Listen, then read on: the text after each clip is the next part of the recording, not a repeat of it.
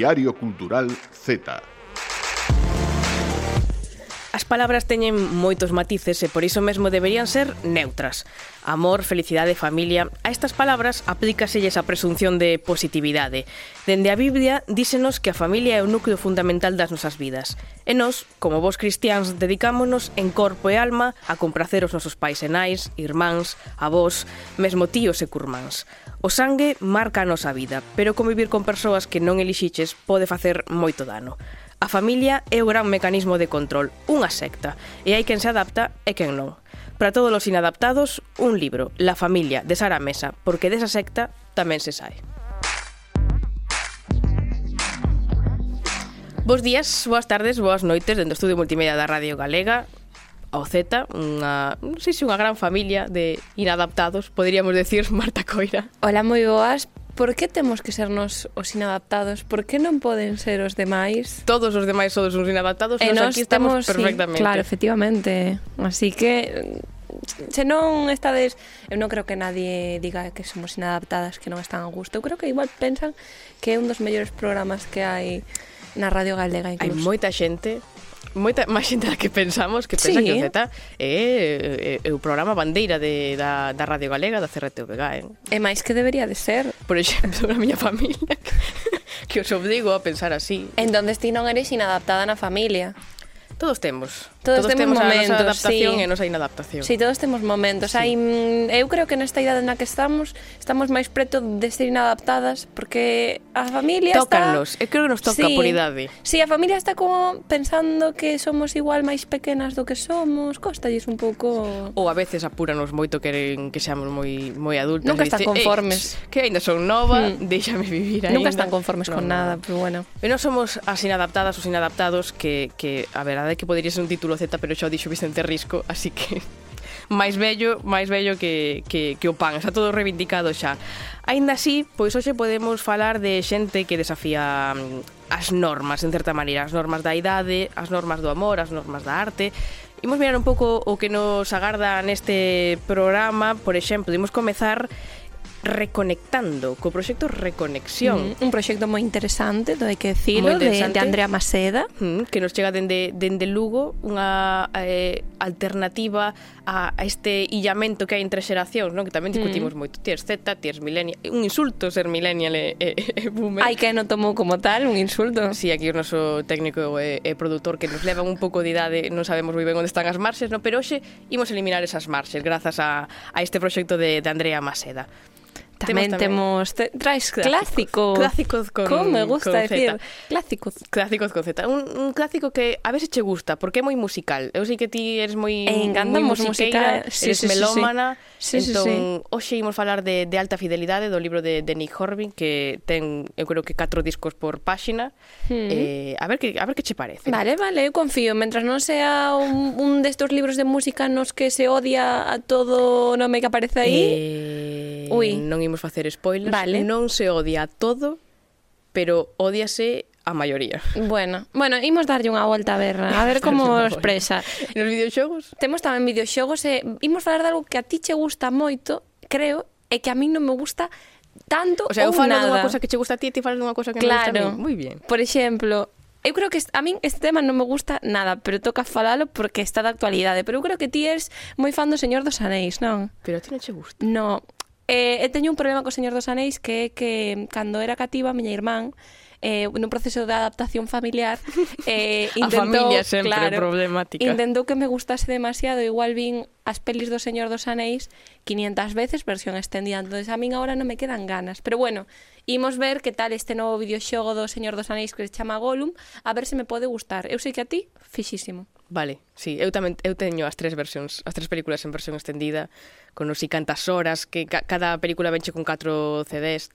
Pois pues entonces vaiche gustar. Ai, intercambiamos temas, parece moi ben. E tamén temos colaboracións, Colaboracións, ¿no? esta semana pues, tocalles a, a Sara Donoso, nosa colaboradora de arte, e tamén a Ana Baz, a colaboradora de, de artes escénicas, a ver que nos contan que sempre nos dan a, a coñecer xente moi moi interesante. Mm, sempre... Comezamos. Comezamos.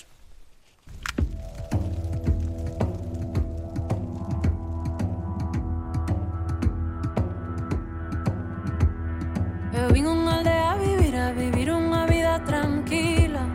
Eu vin unha aldea a vivir a vivir unha vida tranquila. É único que eu quero, caramba, unha vida miña. É único que eu quero, caramba, unha vida miña. Cansada do ruido dos autos e sempre andar É o que dicíamos, non? Que estamos a veces tan pendentes de pertencer a unha xeración, neste caso a xeración Z, que a veces pois esquecemos de mirar máis alá das idades, non? Porque por que os novos temos que ir por un lado e os vellos polo outro? Ou cando nos impuxemos, non, esa separación física e emocional. Pois un grupo de rapaces e rapazas de diversos concellos da provincia de Lugo vannos demostrar que que é certo, non? Que nos separan moitas cousas, pero que, pero que hai outras tantas que nos poden unir, non? E o único que hai que facer é escoitar atentamente o que nos ten que decir o, o outro. E diso vai o proxecto Reconexión que dirixe Andrea Maseda, que é pois, sentar diante da cámara mulleres maiores que teñen moitísimo que contar e poñer a facer preguntas a rapaces adolescentes que teñen moitísima curiosidade. Andrea Maseda, que tal? Benvido ao Z. Hola, boas tardes. Entón, Andrea, eh, canto podemos eh, aprender simplemente sentándonos a, a falar con outras persoas? Pois moitísimo, verdade. Creo que xa solo escoitando a estas persoas eh, descubrimos un mundo que, que quizás para algunhas pois ainda está por, por descubrir, non? Hmm. Eu creo, Andrea, que tamén é un proxecto necesario, porque cantas dos nosos maiores e das nosas maiores non teñen quen os escoite e quizáis tampouco chegan a entender as novas xeracións, é un proxecto que permite afastar un pouco a soidade e que se entendan eh, dúas persoas que igual están moi lonxe en moitos aspectos, non crees? Sí, efectivamente, un pouco a inquietude de nacer o proxecto xusto basábase neses dúas aristas, non? Por un lado, as persoas maiores que teñen un montón de historia e que a veces pois, non se lles dá o oco para que se expresen non libremente en, en espazos de encontro e por outro que a mocidade cada vez está máis separada, non? Xa non só físicamente, senón que esa distancia se, se volve tamén emocional e a veces pois, descoñeces o relato e, e todo o que iso conleva. De que idades podemos estar a falar entre as persoas máis novas e as persoas máis maiores? Pois as participantes tiñan, as máis pequenas tiñan oito anos, pero as máis maiores 15. entonces digamos que a media de idade rondaba polos 12, máis ou menos, porque houve aí sí que en función do territorio sí. houve crianzas máis pequenas ou así mocidade xa máis tirando a adolescente. E de persoas maiores? E de persoas maiores, pois non había ningunha, bueno, creo que unha tiña minto, sí, 79 anos, casi 80, e a máis maior tiña 97. Hmm. É que hai, hai moita diferenza, non? Entre a media Entre de 12, 12 e a media dos, dos 80 do, do outro lado, pero tamén é o bonito do, do, do, do proxecto, non? E canto máis diferencias, intentar atopar máis cousas en común. Sí, efectivamente, xusto ademais a, a persoa Sagrario que tiña 97 anos estivo nun dos grupos que eran máis máis pequenas, que mm. había rapazas con 8 anos. Entonces é que se levaban 90 anos. que, é que eran moitísimos anos, eh, non é 10, 20, 40, eran 90 anos. entonces a verdade é que encontrábamos incluso da na propia naturalidade do encontro eh eu levaba unha idea na cabeza, non, do que podría acontecer, pero co paso das horas acontecían cousas eh, misteriosas, non? Pois preguntas que, claro, mm, crianzas de oito anos eh, preguntaban cal era os seus debuxos favoritos cando era pequena, cando non existían. Parece unha, unha tontería, pero que tanto por un lado despertaba sorpresa e por outro un pouco hasta fracaso, non entendían como viviran a súa vida sen tele, claro, sen, sen tecnoloxía. Eu vou preguntar un pouco de, de que se falan esos encontros, porque xa, ademais da idade, hai que poñer non un agravante, pero estás cunha persoa que non coñeces, sempre un momento incómodo, e falaban, por exemplo, desos debuxos, pero, pero igual as persoas maiores pues, tamén contaban igual algunha anécdota do, dos seus tempos, que, que se decía nesa reunión? Sí, Mira, un pouquiño a, a idea do Obradoiro foi que fora aberto no sentido que tampouco fora unha temática concreta porque mm, quería mm, recoller a memoria pero tamén que cada persoa maior se atopara cómoda falando do tema que, que, que despertara máis de interese, non? transmitirá a mocidade. Entonces sí que había unhas preguntas guías para que tamén a mocidade máis as crianzas tuveran un pouco unha base non? E non empezar así de baleiro pero sí que estaba todo moi aberto a que fora todo natural no encontro non? Entonces eh, había había, sobre todo, preguntas moito de, de comparación mm, de como era a súa vida na mesma idade que tiñan as crianzas neste, neste momento, non? Pois se tiñan 10 anos, pois había moitas preguntas dirixidas a como era a súa casa, como, como vivían, como se entretían, como iban á escola, preguntas un pouco que parecen básicas, pero que tiñan atrás unha parte de historia que incluso eu, que, que non é que sea maior, pero tampouco teño 15 anos, mm. pois me sorprendía, porque tampouco me daba conta quizás dunha realidade que parece tan, tan, tan inmediata e non o é. entonces tanto había preguntas un pouquiño máis xerais, globais, como xa outras un pouquiño máis persoais de, pois, por exemplo, se, se volverá a ser eh, nena, como lle gustaría que fora a súa vida, que mudaría, como ve tamén a sociedade de hoxendía dende o seu punto de vista, intentamos que foran preguntas globais, tamén dirixidas ao xeral, porque tamén polas idades tampouco podíamos afondar quizáis en aspectos así un pouco máis complicados. Hmm. Eh, unha cousa curiosa, eh, Andrea, é que escollestes do lado das, das persoas maiores e todo a eh, mulleres, non? Están eh, Dominica, Eladina, Esther, Lidia, eh, Maruja e eh, Sagrario, non? Se non me, se non me equivoco. Por que todo mulleres? Pois mira, a miña idea cando creei Reconexión eh, era por un lado, primeiro, esto, recoller a memoria e por outro xerar un espazo de encontro interxeracional. Pero na medida que iba creando, dábame conta que mm, xustas mulleres, por, pois, de maneira tradicional, tuveron sempre menos espazos de encontro, eh, non, non de encontro de traballo, que eso sí, senón de encontro social, non? Pois normalmente os homens eran quen iban aos bares, quen iban a, normalmente ao, ao, ao mercado, facían un pouco máis esa vida social que fai que a súa historia, polo menos de boca en boca, si pasara. entonces eu, por exemplo, sei un montón de historias de persoas maiores do meu povo, homes, pero de mulleres sei moi pouquiñas. entonces mm, dixen, por que non poñer un pouco foco neste proxecto na perspectiva de xénero? entonces foi un pouquiño a raíz de, de investigación. Non naceu primeiro que a perspectiva, senón que ya incluín a posteriori. Hmm. Eh, esa perspectiva repercute, reflítese na, nas preguntas? Quero decir, antes dixelles que non eran preguntas moi profundas, que foran moi... Porque moitas da, das rapazas teñen oito anos, pero sí quizáis houve un momento para falar das diferencias, non? Entre, entre as rapazas de agora e as rapazas de antes. Sí, eh, unha das preguntas cando se dirixi, bueno, deciden facer esta perspectiva, é un pouco tamén, non quería condicionar tampouco ca pregunta, sabes, porque sí. tamén cada persoa maior o vive da súa maneira, non poden pensar o mismo elas que quizáis eu, que toman outras oportunidades, pero iso que quería pois ver como esas diferenzas si se foron acortando en moitos casos, pero tamén en outros non. Entón, sí que había varias preguntas que describían pois como eran os traballos das mulleres, en diferenza dos homes, eh, as oportunidades que tuveron pois de estudar, de quitar o carné incluso, de mm. poñer un pantalón, que parecen mm. aves parvadas, pero que tamén un pouco os dereitos que fomos conseguindo as mulleres foi foi todo moi paulatino e que nunca temos que baixar a garda nese sentido. Entonces, sí que sí que houve preguntas nese aspecto, pero como te digo, polas idades tampouco podían ser moi profundas no sentido de que eran eso globais, un pouco máis do día a día, quizáis non tan filosóficas de chegar mm. a unha raíz dos porqués. Hmm. Pero claro, a base esa está, digamos, posta para que logo estes nenos e nenas, mm, según vayan medrando, pues teñan tamén esa curiosidade, non? Por seguir aprendendo aprendendo do, do, dos maiores. Claro, efectivamente, e de feito xurdían preguntas eso, super, super creativas no medio da, da, da entrevista, xusto por eso, porque quizáis agora con esta idade non comprenden a importancia das palabras, pero creo que ao final é unha semente que fará que a medida que vayan medrando, pois repercuta no seu interese e, na, bueno, pois por explorar tamén outras informacións que quizáis non acceden de maneira tan directa. Mm. Eh, e si, de feito, bueno, as entrevistas foron longuísimas, de hora, hora e media, algunha incluso, pero claro, cando montamos a peza documental tivemos que escoller. Entonces sí que hai cousiñas que non, non quedaron no, na peza, pero que siguen quedando na, na memoria, porque, bueno, pues de aí saliron pues, conversas moi interesantes. Claro, claro. é, moito, é moito sobre este aspecto, porque pues, non entendían, porque, pues, por exemplo, eh, unha muller casouse ás seis da mañá, pois porque era pois eh tuvera xa unha filla de solteira, bueno, todas esas cousas que pasaban antes que agora non se ve como como como raro. Entonces, bueno, pois esas cousas mm, creo que é importante tamén telas en conta porque se esquecemos o pasado, como dixe a frase, temos moito risco de volver a, a repetirlo no futuro. Pois sí, eh, como nos dicía agora eh, Andrea, pois todo este proxecto conxúgase ao final nun, nun documental, un documental que está en aberto que podemos ver no, no YouTube, por exemplo, da Rede Museística de, de Lugo, coa que colaboraron para leválo adiante. Imos escutar un anaquiño. Toma dos. Na nosa casa tamén hai unha historia. Ya? Todos temos a nosa historia. Ai, filliña. Eso casa non ten explicación, porque se ve a casa onde me criei eu, non parece que é unha choza onde te as ovellas, por exemplo, porque daquela eran así. Entrábase pola, pola cuadra, que case todas as casas tiñan a cuadra antes de chegar para a cociña.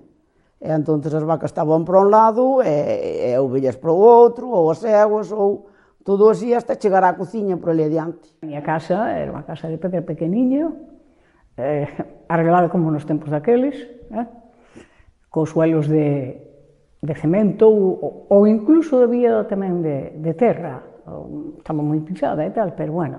Pois mira, era unha casa onde as vacas estaban por baixo, pero arriba Tiñamos catro habitacións porque Comezamos polo moitos. principio, pola casa non? Mm, por... Estaba pensando todo A casa, que importante Porque claro, as de antes non eran nada parecidas ás de agora Iso xa lle tiña que chamar moita atención aos nenos, non? Sí, sí, aparte é que eh, non, non comprendían incluso, a veces tiñemos que, bueno, non, na peza non se ve, pero incluso paraban as persoas e contaban exactamente como eran, porque había palabras que ao final é parte da nosa cultura, non? De, de traballo de labranza que, que non tiñan nin idea da existencia nin dese palabra. entón tiñan que parar e explicarlles como eran as portas, as ventás, como tiñan a corte de baixo, non comprendían moitos deles, porque ao final algunhas sí que tiñan a sorte de por avós ou cercanos ir a casas así, pero ningún vivía a día de hoxe nunha casa que semellara nada parecido.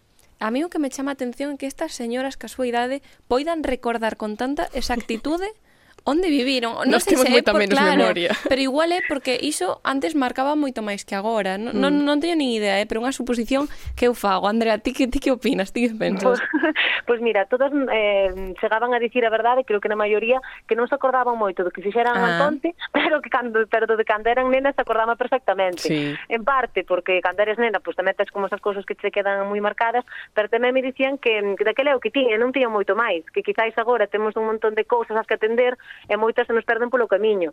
Pero dos xoguetes, por exemplo, acordámase perfectamente porque tiñan tres xoguetes. Como non se van a acordar dos tres xoguetes que tiñan?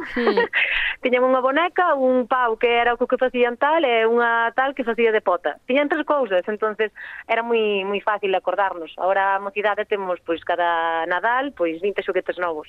Entonces tamén é máis complicado acordarnos de todos. Mm. Eh, estamos falando moito de do que podemos aprender nós ou do que aprenderon estes estes rapaces da, da, da das persoas maiores, pero imagino tamén que, que a experiencia tamén foi moi moi boa para, para estas mulleres, non? Estar en, en, en contacto cos, cos nenos, contar a súa vida, elas tamén puderon aprender moito, seguro. Sí, a verdade é que por un lado a, a mocidade sí que mm, vías que estaba moi, bueno, experta, interesada por esa comparación, non, da realidade que gozan agora ca, ca de antes, pero por outro lado tamén as persoas maiores sentíanse pois, protagonistas por un día. De feito, a mí chamábame moita atención que cando chegaban, eh, todas as, as mulleres eh, coincidían en dicir pero que vos vou contar? Non teño nada que contar, vos mm. total, sabes, non lle daban aprecio eh, a, a súa historia de vida. Eh, en cambio, despois estaban unha hora e media que ese discurso. entonces tamén era un pouco esa, esa autoestima de relato de vida que claro que é importante, pero a veces pois quizáis nin elas mesmas lle dan o valor que, que si ten. Mm. Eh, achegáchedes vos un pouco tamén nesta aprendizaxe bidireccional ao mundo que igual elas están moi desconectados, que é o mundo da internet, o mundo das novas tecnoloxías, que igual estas cativas, estes cativos, pois saben moito máis que ela. Non sei se tiveches esa oportunidade de falar de algo diso. Sí, tamén houve varias preguntas relacionadas con iso. Eh, eh, bueno, eh, debo dicir que non sei, se foron seis mulleres, creo que polo menos cinco, por non mentir, por deixar un así sin decir, mm. todas coincidían en que non estaban moi de acordo co uso que se lle daba ao móvil. Todas odiaban moito este trebello. eso e as tabletas e todo eso, non sabían ben exactamente o nombre, pero sabían identificar o obxecto. eh, todas comentaban xusto eso, que, que moitas veces, incluso o que leas descontan as súas netas, algunhas tiñen a sorte de si que ter netas, pois, que escoitaban un poquinho máis e así, tamén por a idade, pero outras eh, xa dicían, é que eu estou, teño, estou cansa de contalo e non me fan caso, que están seguindo mirando para aí para, para o trebello ese. Sí. Entonces, todas coincidían un pouco en, en iso, en que ao final que, de feito, preguntábamos eh, se elas foran novas, les gustaría ter móvil, eh, sempre dicían, sí, sí, gustaría metelo para falar cas amigas, porque daquela non, non, non había quen falara, pero para nada máis, porque ahora non levantan a cabeza. Eh, puñense enfadadas, eu creo que foi o sí, sí. único momento das entrevistas nos que se enfadaban. Tiñenlle un, un odio un pouco rencor ao teléfono móvil, sí. Seguro que algo de razón non, non lles falta. Sí. Eh, eh, bueno, estamos hoxe falando con, con Andrea Maceda que, que dirixiu este proxecto Reconexión que se pode ver nun, nun documental no que, no que poñemos a falar a, a rapaces e eh, adolescentes con persoas maiores. A nosos Z estamos como un pouco no, hmm, no medio, pero tampouco, a nos non nos sobran nin escuitar aos os que veñen detrás nin os que viñeron antes. Estamos aí aí cas orellas abertas para para os dous lados e por eso hoxe pois estamos encantadas de de de contar con con Andrea. Moitísimas grazas. Grazas a vos. Diario Cultural Z.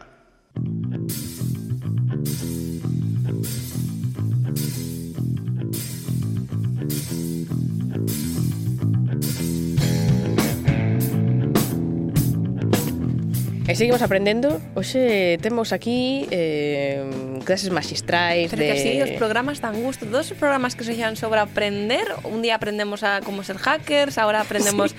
a, que hai que escoitar os nosos maiores E agora que, que nos vas a ensinar? Pois pues, non sei se se pode aprender a ser artista ou hai que nacer Eu creo que un pouco de ambas, non? Un, un pouco de talento, outro pouco sí. de, de, de constancia, de aprender, non, non sei, non sei. Talento da mundo ten a nosa colaboradora, Sara Donoso. Hola, Sara. Hola, Lucía, que tal? Grazas polo piropo. Home, por suposto, é que nos temos que nos dámonos conta de que a xente que nos ven falar aquí ten moito talento e nos queremos aprender de todo o que nos teña que contar, claro, claro, claro. E hoxe por onde nos vas levar, Sara? Oxe, imos hasta Galería Patio de Luz, en Compostela, onde estaba a Rúa Caldereiría. Coñécela? non, a mí non me cadrou nunca de, de, de, de pasar, non sei se ti, Marta, coñeces. A Rúa Caldereiría, sí, precisamente esta galería non teño nin idea, pero bueno, e habrá que pasarse por ali, claro, aquí, para que estamos para aprender. Contanos claro, ti mellor. Xa tendes tarefa, mira sí, que sí. ben, sempre, sempre vos estuvo a dar traballo, sí, é unha maravilla sí. isto. Pois porque ademais este espazo realmente é unha fantasía de espazo. Eh, é unha galería eh, que está dirixida por María Xosé Domínguez, eh, bueno, ten unha parte de galería de arte a uso, digamos, pero é un espazo onde tamén se realizan faladoiros, música, obradoiros, venda de objetos curiosos, ten unha tenda con moitas cousas interesantes tamén, eh, e ademais a última exposición que fixeron é unha exposición de artistas anónimos, como vos quedades. Eh, eso pode Intrigadas. ser. Eso, eso, eso, existe. Artistas anónimos. Pero eu pensaba que os artistas, aquí vou tirar polo, polo lado malo, eh? pensaba que os artistas lle gustaba moito presumir, eh, eh, que saian os seus nomes en grande... Claro, pero igual os ser anónimos lle dá certo prestixio, certa no sei, no sei, no categoría, sei. que a xente se achegue un reclamo, non? Non sei precisamente xoga un pouco con todas estas cousas, non? De, do mercado da arte, de, do que vale un nome, do que non, en todas estas estas cuestións. Entón, agora xa se sabe quen son os artistas, son eh, artistas mulleres e homes reconocidas de, de aquí de Galicia, pero na inauguración non se sabía e facían como unha especie de xogo non para saber, para ver se identificábamos pois quen podía estar detrás desas pezas. Pero bueno, non vou contar moito máis, non mm. quero facer spoiler porque temos a María José Domínguez que seguramente non lo conté bastante mellor ela. Pois si, sí, ela xa está para facernos os spoilers todos. María José, que tal? Que tal? Boas tardes. Eh, antes de nada, como vemos que con un proxecto así que está que, que, que é relativamente novo, bueno, contanos un pouco como de onde cheveu a idea de, de, de leválo adiante. Eh, vale, bueno, a realidade é que era como varias eh, varias ideas de varias, de querer facer varias cousas en canto aparecido, sabes, porque mm, por unha banda que nos gustaban pois os obxetos curiosos, por outro lado que que nos gustaba pois iso de facer unha un, dedicarnos a comisariar exposicións, pero non nos apetecía pois o cubo blanco e todas esas condicións, non? Entonces, uh -huh. o local ser tan amplio permitiu nos ter un espacio que lle chamamos o espacio de gabinete onde conviven pezas antiguas con pezas contemporáneas, traídos de outros países, temos pezas exóticas do Oriente, despois temos un espazo, pois eso, mm, mm, eh, conformado de unha maneira máis eh, como a, a, a galería o uso, bueno, o, sabes? E despois mm. temos un spa, unha temos unha zona donde eh, de encontro, temos un espacio que lle chamamos o laboratorio donde facemos talleres creativos e temos eh, un patio, por eso nos chamamos patio de luz, no que tamén pasan cousas e sobre todo temos o espazo residual que é donde os artistas poden intervir libremente, donde se fan pois esos actos específicos, donde se fan intervencións artísticas, eh, donde a liberdade do artista é absoluta e donde pretendemos que sea un espacio pois para para a protesta e para facer visibles as problemáticas. Mm, mi madriña, cantas cousas. Sí, son moitas cousas en un sí. Todavía nos estamos organizando, porque además levamos, pois eso, tan solo dos meses, pasaron un montón de cousas, a rúa tamén facilita que, que entre moita xente porque decíades que non sabía, sabíades onde estaba pero segurísimo que pasastedes por aí porque é xusto a rúa que vai entre Preguntoiro que vos dades de conta mm -huh. cale Preguntoiro baixando hacia a Plaza de Galicia pois por aí pasades por Calderería sí. é o local, sí, é o local que non, o sea, estaría enfrente de Historia da Arte paralelo, sabes? Eh, xa sei, xa me do de sí, conta sí, sí, sí, un sí. antigo Garabal, sí, un espacio moi bonito con un patio fantástico entonces a luz luz, eh, pues eso, inunda todo o local eh, eh, eh, e, e, e, e a verdade é que se xeneran aí moi, eh, mm, enerxías moi positivas, moi, moi mm, estamos moi a gusto. Mm, pois pues prometemos parar a próxima vez que pasemos. sí, nada, pues... que todo isto é para invitarvos a pasar. Prometido, prometido. sí.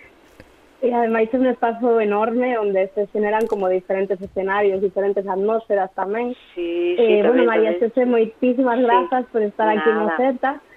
Se te parece nos falar un pouco desta mostra de artistas anónimos, Sí. porque creo que Lucía non pode xa coa intriga. No, Entón, bueno, no, no. contanos ti, é unha idea moi bueno, curiosa Sí, sí. e que ten A moito idea- experimental tamén.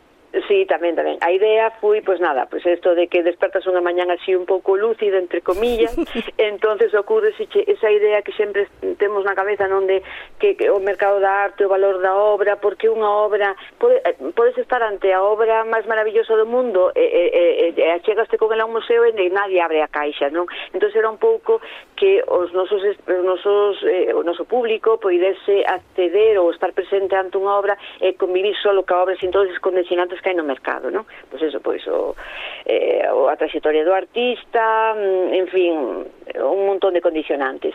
Entonces, os artistas non son anónimos, sino que son todos recoñecidos, están todos vinculados con Galicia, é importante dicir pois que son Jorge Perianes, José Luis Seara, Jorge Varela, Román Corbato, Mar Caldas, Eduardo Baliña, Suso Fandiño, Mónica Cava, Cabo e Roy Rodríguez. E todos eles foi facerlle a proposta e dicir sí, sí, sí, porque tamén era un tema que lle rondou a todos, porque en algún momento nos, nos plantexamos eso, non? Hasta que punto eh, unha obra vale máis mai, ten máis valor por todo o que a condiciona que por si sí mesma. Mm. Polo que nos poida estar contando ou polo que poida estar eh, o sea, pues, cambiando, non? Mm, non sei, mm, eh, eh, bueno, non sei a palabra, pero bueno, xa me entendedes. Entonces, os artistas eh, encantados e eh, fixeron as súas propostas. A proposta tamén era libre, quero decir, que non que non non tiñan que presentar algo que realmente os definía, sino todo o contrario, algo que lles lles apetecera facer e que estuveran libres da súa carga pois do estilo, da súa liña de investigación, e así foi, moitos artistas pois presentaron traballos que, que estaban lexos de, do, do que estaban a facer e que tamén complicaba máis a hora de recoñecelos, non? De feito era complicado, porque, bueno, hai que dicir, María Xosé, que tamén acabas de desvelar todo o misterio porque xa eh, nun acto de non inauguración, pois fixetedes o, o descubrimento dos nomes nunha cousa moi performática, non, na que na que tiñamos una, un listado cos artistas e tiñamos como que que escoller cun número a ver se acertábamos cal era o artista. Entón tamén foi así como un xogo sí. curioso para o público. Sí, é que tamén estaba esa parte, non, de, de facer un acto lúdico, de, de tamén romper todo ese mm, esa sacralidade que hai alrededor das exposicións e tal, entonces era pois pues, tiñamos unha quiniela, entonces bueno, pois pues, eh, a xente que se achegou, unha vez que tamén xa tiña os, os artistas pois pues, eh, estaban por ali, pois pues, tamén che facilitaba, non? E aparte que xa fomos tamén dando algunha mm, algunha pauta a través do noso Instagram para ver se si ese día que facilitábamos a, a quiniela. E así foi, eh, xogando a a, a acertar, pois eh, algúns dos participantes acertaron e tiñemos pois eso, hasta premio premio incluído que era unha noite nunha casa rural do prior, que se chama o Priorato San Martín. Carai. Cual, sí, co cual foi ah. moi ben, moi ben, sí, moi ben. Foi, pasámolo moi ben, a verdad que foi moi divertido. moi divertido. Eh, teño curiosidade, María, tamén en saber como estades a plantexar a programación, porque ademais desta exposición, pois, xetedes un montón de cousas, non? Talleres, lecturas de poemarios, mm. concertos... Mm.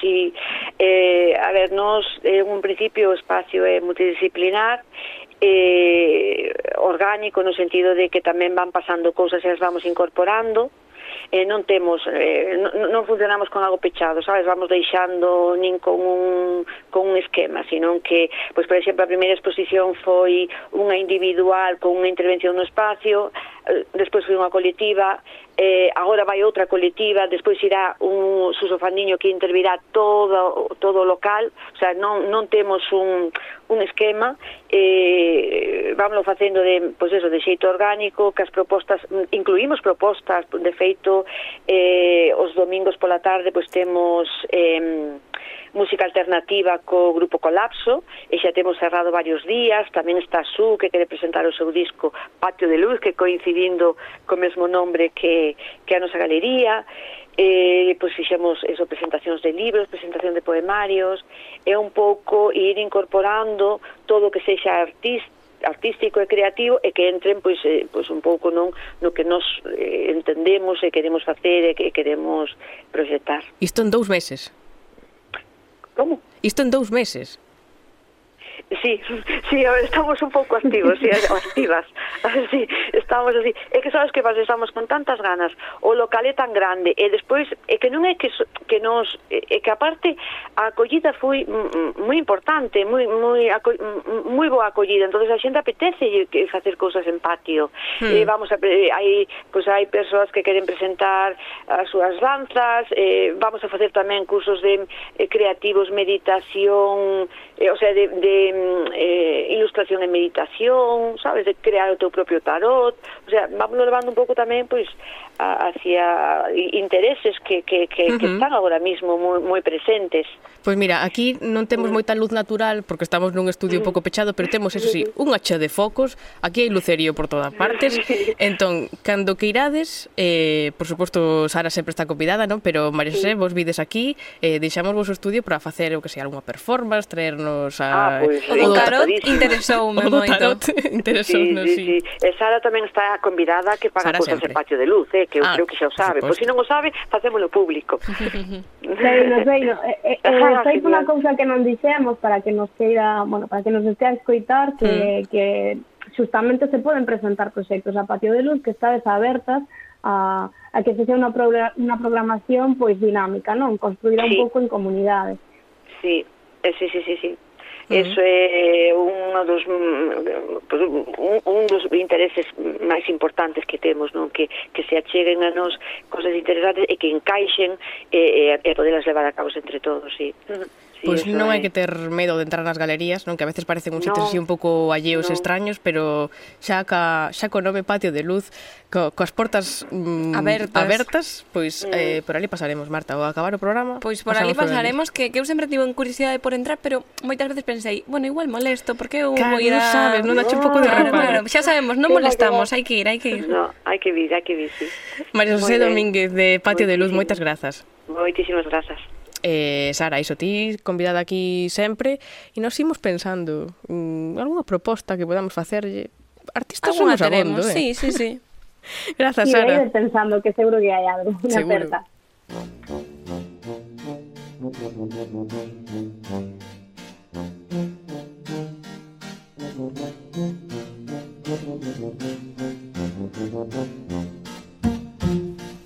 soa a sintonía de Clásicos con Z, pero quedábamos en que o facías ti, no? Vale. Oxe, facías Oxe veño falar dun libro que chama Alta Fidelidad. Toma o libro. De, do británico Nick Hormy.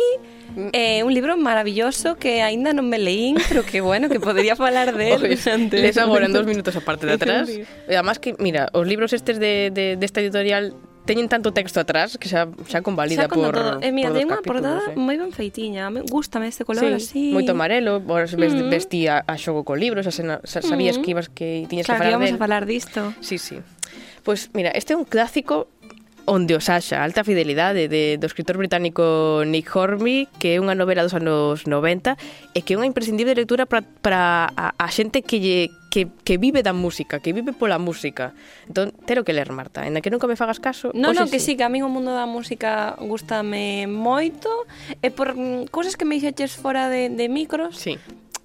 Teño ganas, teño ganas, pero a ver, presenta Agora digo cho diante mellor, claro. digo cho a ver. micro. Mira, aquí xuntase o gran tema da literatura, o gran tema da, da historia que é o amor mm, coa música. No? o amor e a música, non? E aquí o, o claro, pode haber quen se pregunte se se poderías namorar de alguén con ideas políticas contrarias ás túas, non? De ideoloxía contraria. Iso iso é moi básico. Aquí a clave é, poderías namorar de alguén con gustos musicais contrarios aos teus? Eu digo non. No. Non, non, entón, é unha resposta pero moi rotunda. Entón estás 100% de acordo co de acordo co protagonista. Sí, porque os os gustos da música xa di moito dunha persoa que quen che guste, quen che deixe de gustar, a quen escoites, por exemplo, eses rapaces, homes que só escoitan artistas masculinos, algo agochan. Xa non presta coñecelos. Cruz. Hmm, efectivamente. Cruz, cruz. Pois mira, o protagonista deste libro non podería ser máis Z de nacemento non é, porque ten xa vai camiño dos 36 anos, vai xa un pouco está un pouco cascado xa. vai un pouco para para sí, para, vai para millennial, non? Pero que a verdade é que Z de sentimento que ao final é, o, é o importante, non? Porque eh, Rob Fleming é un home de, diso, de 36 anos que está atrapado na posadolescencia xuventude, é o dono dunha tenda de vinilos en Camden, en Londres, e só vende os discos que a él lle gustan É un pouco intransixente. Eh, non me gustaría sair con, con este señor, claro. claro. E aí ven o problema, porque acaba de deixar a moza, Laura, precisa, non só por isto, por non? Que, por que te dejaría? non sabemos. Por moitas cousas, pero entre elas, pois, mm, por eso, non? Porque é un tipo moi moi intransixente que só mm, escoita o que a él lle gusta e, e, e nada máis, non? Pero claro, o libro comeza xusto cando rompen, está, pois, está destrozado, está como peor que Shakira, que Miley Cyrus, todo, todo, todo. O que pasa que non lle dá a él por por facer unha canción. Porque Bizarrap non existía na, nese non momento. Non existía nos 90, non... pero escribe este libro. É como unha carta non que lle está escribindo a, a, a súa ex. E ele ao principio pues, propónse esquecela. E o primeiro que vai facer para intentar pasar páxina é reordenar a súa colección de vinilos. Non por título, nin por artista, nin, nin nada diso, senón segundos foi mercando. Ah, mira. Está facendo como unha sorte de autobiografía mm, cronolóxica a partir da súa conexión de, de vinilos. A verdade é que é unha novela moi moi divertida. É que é moi curioso iso, porque eu creo que compras a compra de discos tamén reflicte o momento vital da túa vida, non? Exacto, é que el, el vai collendo os discos segundos vai comprando e di, ah, en este momento eh, pois o mellor empecé, empezara na, na, eu que sei, na educación secundaria no colexo, mm, estudar. ou isto foi na miña época de, Cando de, de, de punky, exacto. os, li, os discos van marcando a súa vida, non? Eh, a verdade é que ten reflexión sobre a música e o humor moi moi divertidas, por exemplo, as persoas máis desgrazadas que coñezo recoñezo, románticamente falando, son as que teñen un desenvolvido gusto pola música pop. Taylor Swift? sí. Non sei se o pop é o causante das infidelidades, Piqué, pero si teño moi claro que levan escuitando esas cancións infelices dende hai máis tempo do que levan vivindo unha vida infeliz. Ten as ideas moi claras. Eh, no, no, pero salvando as distancias da súa opinión, ten moita razón, porque porque toda a música pop ou a maioría parte dela parte dunha infidelidade de un sí. Taylor Swift é unha grande, unha das artistas que escoita toda a xuventude eh, día de hoxe e ela sobre, solo escribe so, sobre o mal que lleva na, na vida, a vida amorosa, claro, claro.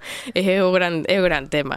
Eh, Tamén, aparte diso, os lectores de, de alta fidelidade seguro que recordan moito as listas de top 5 que fai o, o protagonista. Está, o sea, el ordena todo en nos top 5. Cinco mm. mellores eh, pois eh, discos de David Bowie, que lle gusta moito.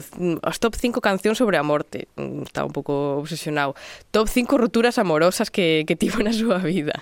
Ti, por exemplo, tes top 5 discos da túa vida? A ver, teño que decir que, que estive no pensando durante durante un bastante tempo de hoxe. Iso non se pensa moito. Top no, cinco. pero porque porque hai demasiados, e hai tantos que xa non recordo nin a maioría deles. Entonces eu fun escarbando, fun escarbando e dixen, "Vale, vamos a a, a decir algúns, mira, O primeiro teño super claro, super claro, super claro, e os demais xa non tanto. O primeiro sería What's the Story, Morning Glory de Oasis, que é como o meu grupo favorito. Vale. É o primeiro gran grupo que empecé a, a escoitar na, na adolescencia, con tes 12 anos, estás empezando o teu gusto musical. Además, ordenados cronolóxicamente. Claro, no, como... pero é que é moi importante a cronoloxía, porque igual é o meu favorito, porque foi o primeiro gran disco así que eu escoitei, e a min gustoume moito. Toda a miña adolescencia foi eh, eh, ler cousas de, de Oasis, de Liam e de Noel. entonces eu poñería o no meu favorito. No segundo, outro disco que me aporta moito e co que descubrín pois outra faceta musical miña que é a música urbana, a música urbana español, e eh, diría eh, City Pop de, de Recycle J, que é un rapero madrileño un dos máis escoitados agora mesmo no panorama, uh -huh. e xa despois eu aí Collín xa, os que me gustaban. Principio da vida adulta, xa... Claro. No, pero collín dixen, vou meter a unha, a unha muller a que metín a Amaya, que é unha cantante que me gusta moito, co seu álbum Pero non pasa nada.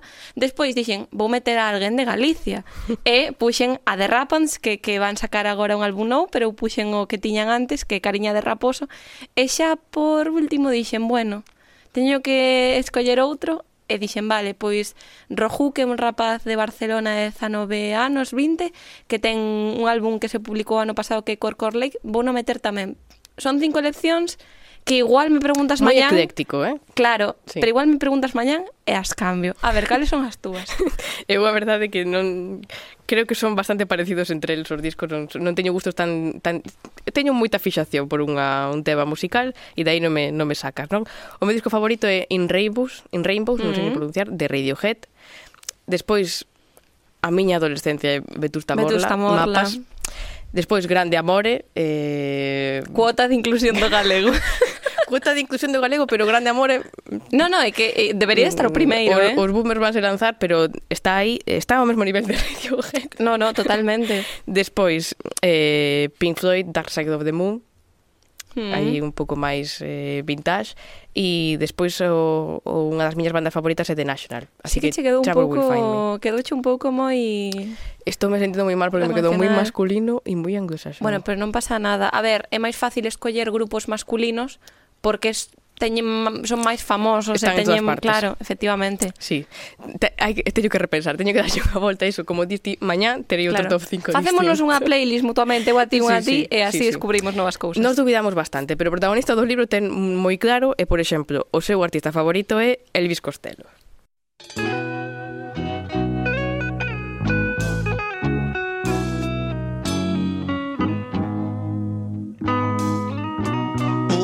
So funny to be seeing you after so long, girl. And with the way you look, I understand that Ben, musicalmente non ten eh, non se lle pode eh, achacar nada, está todo perfecto o libro. Eu, bueno, quería decir unha cousa, a, ver. a risco de que a xente se bote en riba, non sei quen é Elvis Costello, lo siento moito. Este que está cantando ahora. Sí, sí, pero quero dicir, máis alá, está sonando a canción, está sonando moi ben, pero bueno, se é a favorita do protagonista, sí. por algo será. Sí, pero que pasa? A ver, podemos recriminar moitas cousas, eh? de feito o libro ten moitos defectos. Para empezar, está escrita por un home, protagonizada por un home, nos anos 90, naquela o feminismo pois, non, non non estaba existía, no seu pico, ¿no? pero non sí. estaba tan puxante como a hoxe, o, o Me Too, todos estes movimentos que fixeron que pois virase, mirásemos a cultura de outra, de outra maneira, non? De feito, pois o protagonista mmm, gustalle moito o mansplaining musical, non? Gustalle eh, alardear de que sabe moito de música, romantiza, idealiza tamén a frase esa de quen ben te quere farate sufrir, cousas que hoxe pois revisamos de, de outra maneira, non? Entón, como o libro nos quedou un pouco machirulo, hai quen pensou que mm, compría facer unha revisión e hai unha serie ah. do ano 2020, o sea, de, de Antonte, protagonizada por Zoe Kravitz, que mm. sempre está ben, eh, así que, pois, creada por dúas mulleres, ademais, o sea, mulleres na dirección, muller protagonista, unha muller que negra. Eh, seguro que mulleres na música. Que mulleres na música, as, as amigas de, de, de, da protagonista, pois pues eso, hai, son mulleres, son negras, hai, hai moita máis moita máis variedade, non máis representativa do día de hoxe. Así que, mm, se non queres ler o libro, a serie está en Disney Plus, chamas igual, Alta Fidelidade. E que sabes, un último apunte, é que eh, é, é neste rato que le vamos falando este libro, a mí solo me ven á mente unha película que, to, que, que vas a coñecer que é 500 días juntos. Sí. Veme porque o protagonista é moi similar a este protagonista. Que ai, que riquiño, sí, pero logo pero un pouco no... que rascas dis, uf, sí, ten moitos tes moitas cousas, por algo te deixaron, sempre hai que preguntarse. Diario Cultural Z. Cumbia.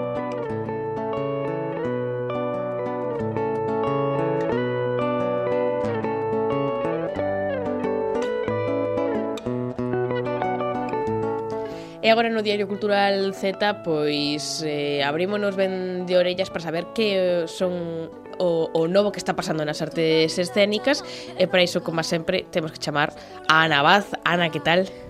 Que tal, Lucía? Moi ben, ti que tal? Moi ben, moi ben, aínda creo que seguimos ríndonos da, da última colaboración, non, non queremos pasar páxina da adolescencia, pero toca pasar páxina, non Ana?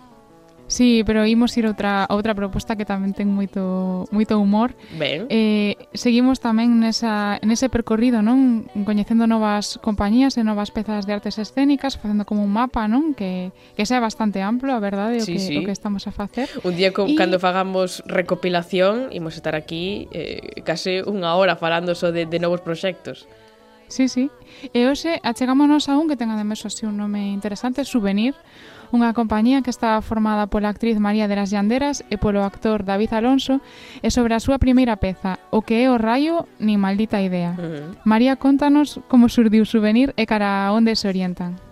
En outubro de 2022, David e eu comezamos a xuntarnos para intercambiar exercicios e traballo de creación e dai xurdiu a idea de facer a nosa compañía. E Souvenir é un espazo de encontro e de experimentación lúdica. Interésanos aquilo que está fora do entendemento racional e da lógica psicolóxica. A intuición, o azar, as artes do movimento e a súa combinación coa palabra son algún dos eixos que vertebran o noso traballo. Procuramos unha forma de estar no mundo improductiva, inútil e festiva. Tamén encanta nos recoller estímulos accidentais da rúa, os que chamamos souvenirs, e que son a materia prima das nosas pezas quen pudera ser improductiva.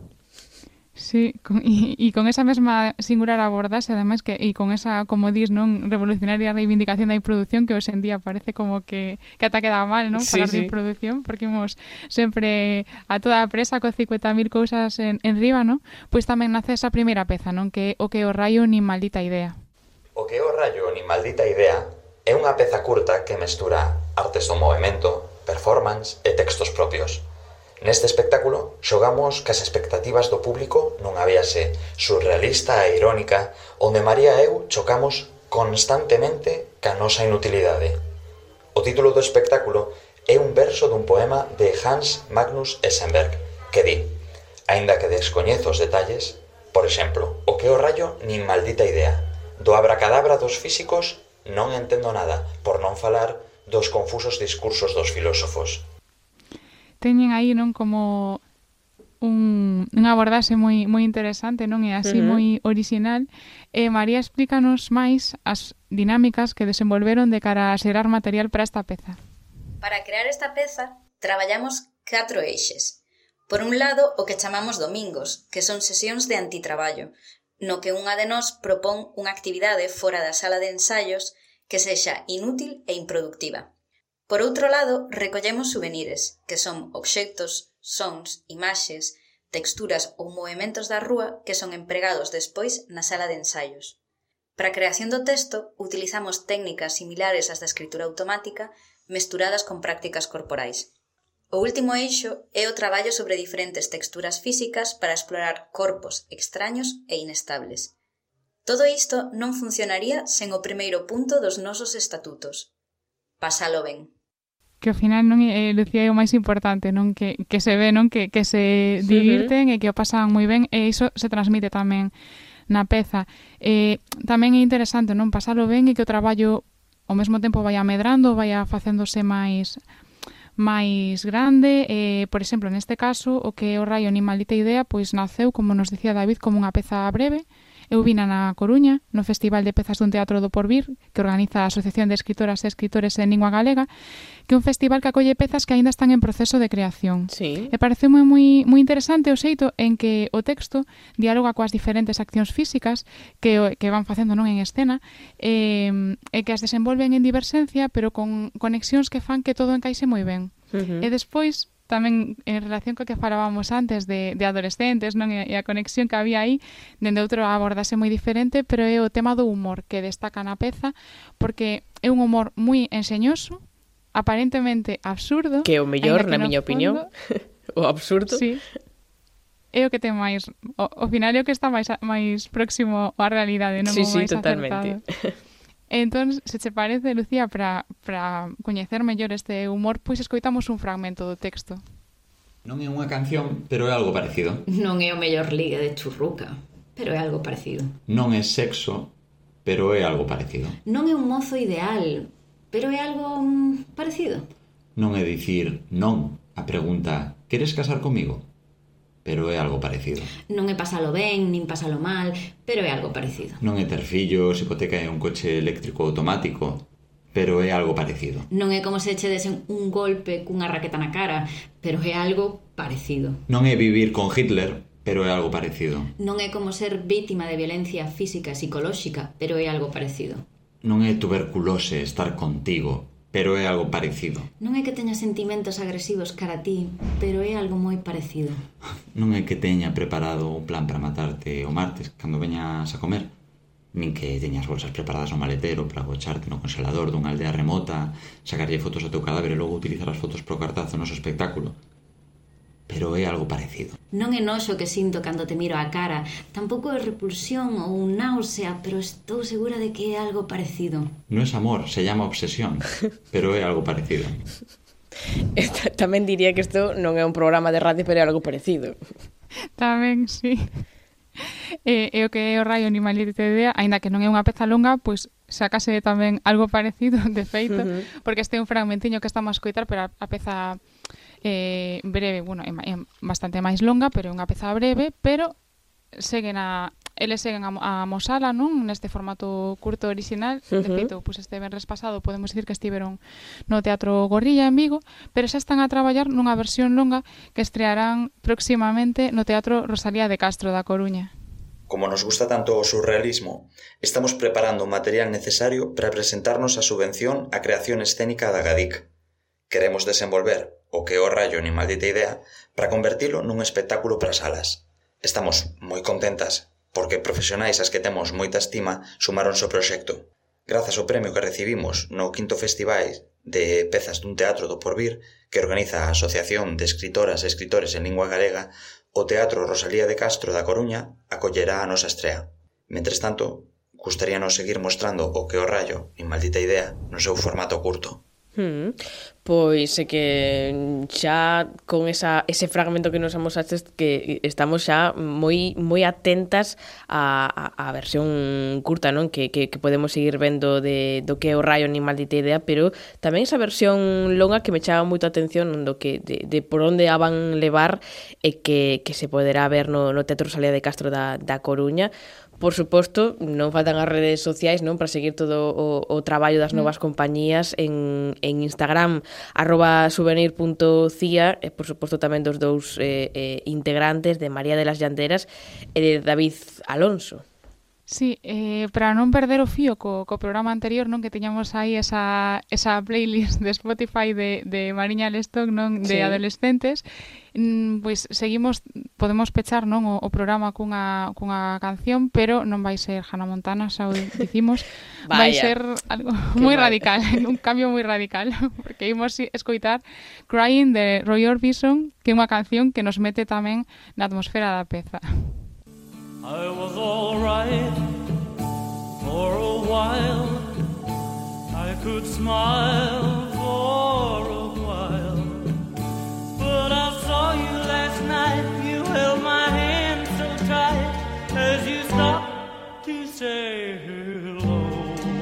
Vale, non é Hannah Montana, pero eh, a verdade que damos moi ben despedidas xa con esta canción con Roy Orbison e eh, moi pendentes de souvenir, Ana, moitas grazas. Moitas grazas, Lucía. For a while I could smile for a while But I saw you last night You held my hand so tight As you stopped to say Oh, you wish me well. You couldn't tell that I've been crying over you, crying. Diario Cultural Z.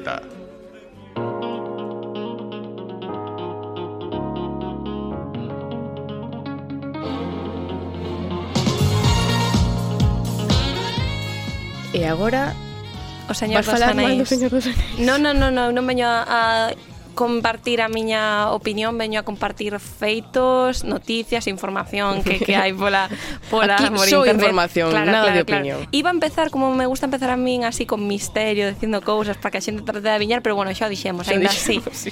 Hoxe imos falar dunha estrea que moitos moitas persoas ansían con ganas desde hai moitísimo tempo, un videoxogo que está basado nunha das sagas de libros e de películas máis vistas e por suposto máis queridas do mundo Imos falar do Señor dos Anéis Gollum, así se chama o xogo creado por Daededic Entertainment e que vai ser publicado por Nacon. Lucía, gusta o Señor dos Anéis? A mí encanta, me teño que decir que eu son moi fan do Señor dos Anéis, igual que podemos dicir deste libro do que falamos, mm. non? Que hai moitos homes, tal...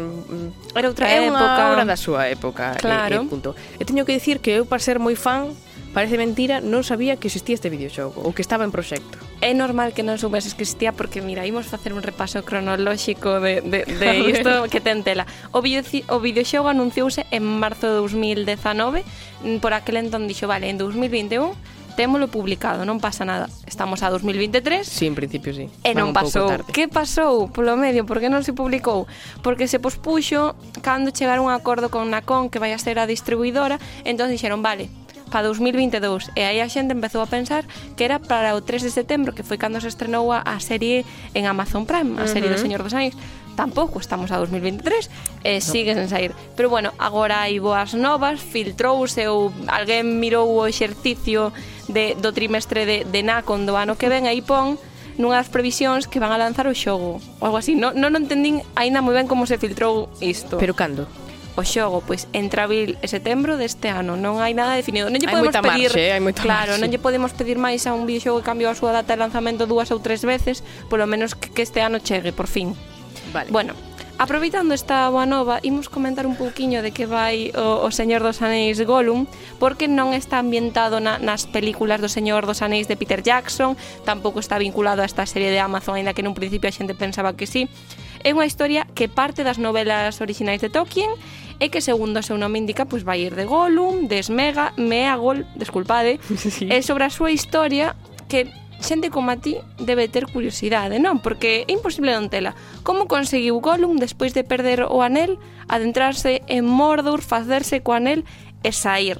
Pois eso explícase neste videoxogo como consigue salir de Mordor despois de que o captura Sauron. Uh -huh. Concretamente vai estar ambientado no ano 1000, no, 2941 da terceira idade do Sol, entre o Hobbit e o Señor dos Anéis, cando Gollum perde pois o anei a mans de Bilbo. E a historia vai tratar única e exclusivamente del, de como sae, pero ademais desa doble faceta que ten, non da faceta da parte máis oscura de Gollum e da parte máis humana de, de Smeagol, e o personaxe, bueno, a persoa que xogue vai ter que ir un pouco tomando decisións en base á dicotomía de caio na oscuridade ou mantéñome como boa persoa. Hmm, de entrada xa é curioso que te teñes que poñer na pel dun personaxe que nas dos libros principais é malo. Hmm, pero os malos eu creo que son os que lle dan ao final vida a, sí, ás cousas. É eh, eh, o, o que lle dá sentido ás historias, se non hai malos. Claro, sempre teñen como cousas interesantes que, que dicir, porque como se volve unha persona mala, é mala de nacemento, é mala porque lle pasaron cousas. Moita psicología. Claro, ten humanidade dentro. Bueno, algo disto imos poder ver neste videoxogo e xa hai algún tráiler publicado que nos permite ver un poquinho como vai a ser a historia, o gameplay, as mecánicas explícovos. Vai estar sobre todo enfocado á exploración do mundo e á toma de decisións. Dice que o inxenio vai a ser moito máis importante que a forza bruta, o sea que para xogar o videoxogo hai que ter o cerebro moi ben despeixado, tomar descartando. decisión, bueno, muller, non te non digas eso que seguro que, que xogas moi ben. E bueno, no vídeo podemos ver a Gollum pois moi sigiloso intentando esconderse, saindo de, Ma de Mordor, podemos ver certas partes de Mordor que son tanto por aire, por mar e por terra e podemos ver algunhas ambientacións que son moi moi moi moi chulas non as podo describir, son indescriptibles, pero merece a pena botarlle un vistazo ao tráiler uh -huh. e xa por ir rematando decir que hai que esperar, hai que esperar, a nadie lle gusta agardar, non hai data entre Aquí abril sección, e setembro. Nesta sección a todo de esperar. Todo esperar. Se estuvera na miña man eu sacaba mañán, pero sí. como non sei hackealo, no. hai que temos que chamar a Elena, pois pues, hai que esperar. Pero bueno, que a espera vai merecer a pena porque o xogo vai estar disponible para todas para todas as plataformas que hai, Play 4, Play 5, X, Xbox One, Xbox Series, PC, Nintendo Switch, todo o mundo vai poder xogar e seguro que unha vez o falamos Menos Silvia, nos gusta que non ten moito. nada de nada. Bueno, Así Silvia convencémola, así a convencémola. Moi ben, pois nada, a agardar que noutra cousa que, que temos que facer, máis nada. Eh, escribirlle a, a con ou Neiko, como se diga, por favor, saca, saca o xogo. Saca o xogo xa, tamén o o, o que falabas outro día de, de Harry Potter ou de todos estes todo xogos. que esperar. Bueno, esperar, Hogwarts Legacy está está máis preto do que pensamos, eh, falaremos del tamén. Moi ben, pois moitas grazas, Marta. Ata outra. E así despedimos o programa de hoxe. Moitas grazas por vernos, por escoitarnos e vimos con máis Cultura Z para a semana que ven.